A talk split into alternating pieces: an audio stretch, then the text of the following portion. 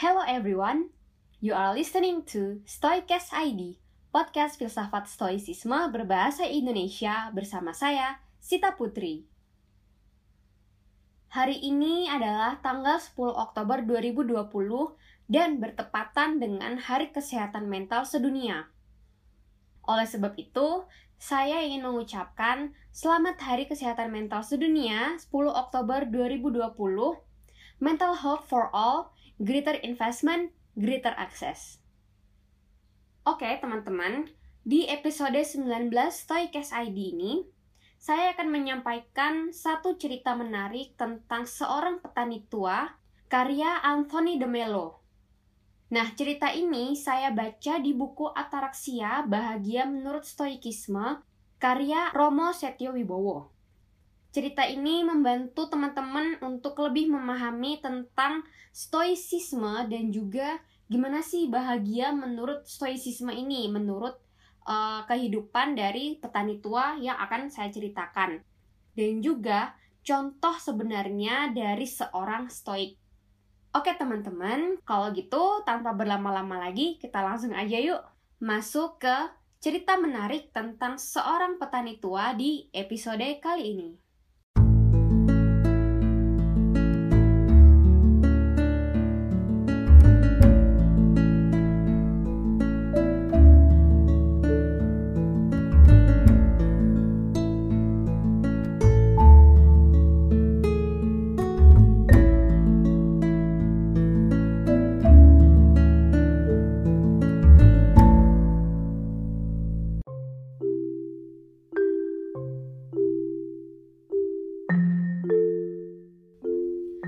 Alkisah ada seorang petani tua di Tiongkok yang hidup dengan anak lelaki semata wayangnya.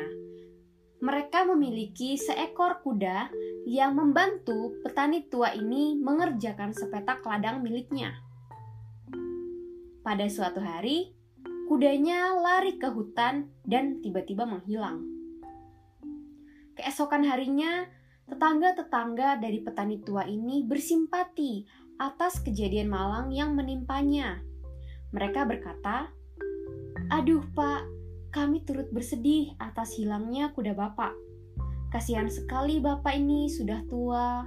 Lalu bagaimana Bapak nanti akan mengerjakan ladangnya?" Petani tua ini dengan tenang hanya menjawab seperti ini. Apakah ini kemalangan? Apakah ini keberuntungan? Tidak ada yang tahu pasti. Para tetangga heran dan bingung dengan jawaban Pak Tani ini. Mereka lalu kembali ke rumah mereka masing-masing. Seminggu kemudian, kuda Pak Tani kembali bersama dengan beberapa ekor kuda liar. Alhasil, kandang kuda Pak Tani kini dipenuhi oleh kuda liar tersebut. Tetangga yang mendengar kabar gembira itu lalu menghampiri Pak Tani dengan perasaan bersuka cita dan berkata, Wah selamat ya pak, kudanya sudah kembali.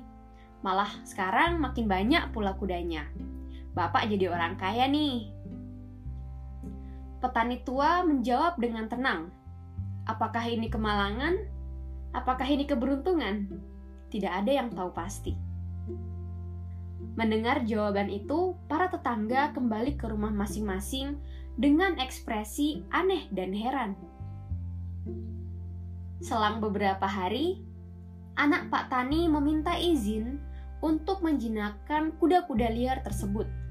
Pikirnya, jika kuda liar tersebut berhasil dijinakkan, mereka dapat membantu meringankan pekerjaan ayahnya, atau bahkan bisa dijual ke orang lain. Namun, kejadian tak terduga dialami oleh anak petani tua itu saat ia berusaha menjinakkan salah satu kuda liar, ia terjatuh dan akhirnya mengalami patah kaki. Anak laki-laki semata wayang Pak Tani ini kemudian menjadi cacat kaki dan pincang. Kabar menyedihkan ini dengan cepat menyebar ke wilayah desa Pak Tani. Tak lama kemudian, para tetangga menghampiri rumah Pak Tani dengan perasaan iba dan bersimpati atas kejadian naas tersebut. Ya ampun Pak Tani, Malang sekali nasib anak lelaki bapak satu-satunya ini. Kami semua turut bersedih mendengar kabar ini, Pak. Tapi dalam hati mereka membantin. Pak Tani ini sudah tua, miskin pula, dan sekarang anak laki-lakinya pincang. Siapa yang akan meneruskan usaha ladang ayahnya nanti? Lalu bagaimana masa depan anak ini? Apakah dia bisa mendapatkan jodoh? Biasalah, tipikal-tipikal tetangga yang mulutnya lebih pedas dari ayam geprek level 30. Seperti biasa, Pak Tani lalu menjawab dengan tenang. Apakah ini kemalangan? Apakah ini keberuntungan? Tidak ada yang tahu pasti. Para tetangga kembali ke rumah masing-masing dengan perasaan yang sama anehnya dengan kemarin-kemarin. Kok jawabannya selalu sama ya? Pak Tani ini nggak punya perasaan atau gimana sih? Anaknya lo jadi pincang, kok jawabannya cuma gitu aja? Seminggu berlalu, tiba-tiba utusan raja datang membawa pengumuman yang menggemparkan desa itu. Pengumuman darurat militer. Kerajaan kita sedang dalam bahaya. Kita diserang oleh kerajaan tetangga. Raja meminta untuk semua anak muda berusia 18 tahun ke atas dan berbadan sehat wajib didaftarkan menjadi tentara untuk membantu pasukan jenderal. Semua pemuda desa berbadan sehat tanpa cacat langsung diangkut dan dibawa ke kota untuk dilatih dan bertempur di medan perang. Tentu saja, hanya anak Pak Tani yang ditinggalkan di desa karena ia pincang. Para orang tua yang anaknya dibawa ke kota bersedih karena membayangkan bahwa anak-anak mereka nantinya tidak akan kembali ke desa dan bertemu mereka lagi. Para orang tua yang juga tetangga Pak Tani ini berkata, "Aduh, Pak, beruntung sekali nasib Bapak dan anak Bapak karena tidak lolos wajib militer." Tidak seperti nasib kami dan anak-anak kami yang harus pergi ke kota. Anak bapak bisa meneruskan keturunan dan bisa hidup bersama menemani bapak. Di hadapan para tetangganya yang sedang galau dan sedih itu, Pak Tani lagi-lagi menjawab dengan stoik. Apakah ini kemalangan? Apakah ini keberuntungan? Tidak ada yang tahu pasti. Seperti itu cerita tentang Pak Tani, teman-teman. Nah, sekarang moral dari cerita tersebut. Hidup bahagia menurut stoicisme adalah ketika kita tidak terganggu dengan opini orang lain. Bahkan yang paling penting yaitu opini-opini dari kita sendiri. Hebatnya, di cerita tadi, Pak Tani mampu memberikan jarak terhadap opininya sendiri, sehingga ia dapat bersikap netral dan cukup bijak untuk nggak langsung menghakimi atau menilai suatu kejadian yang digariskan padanya.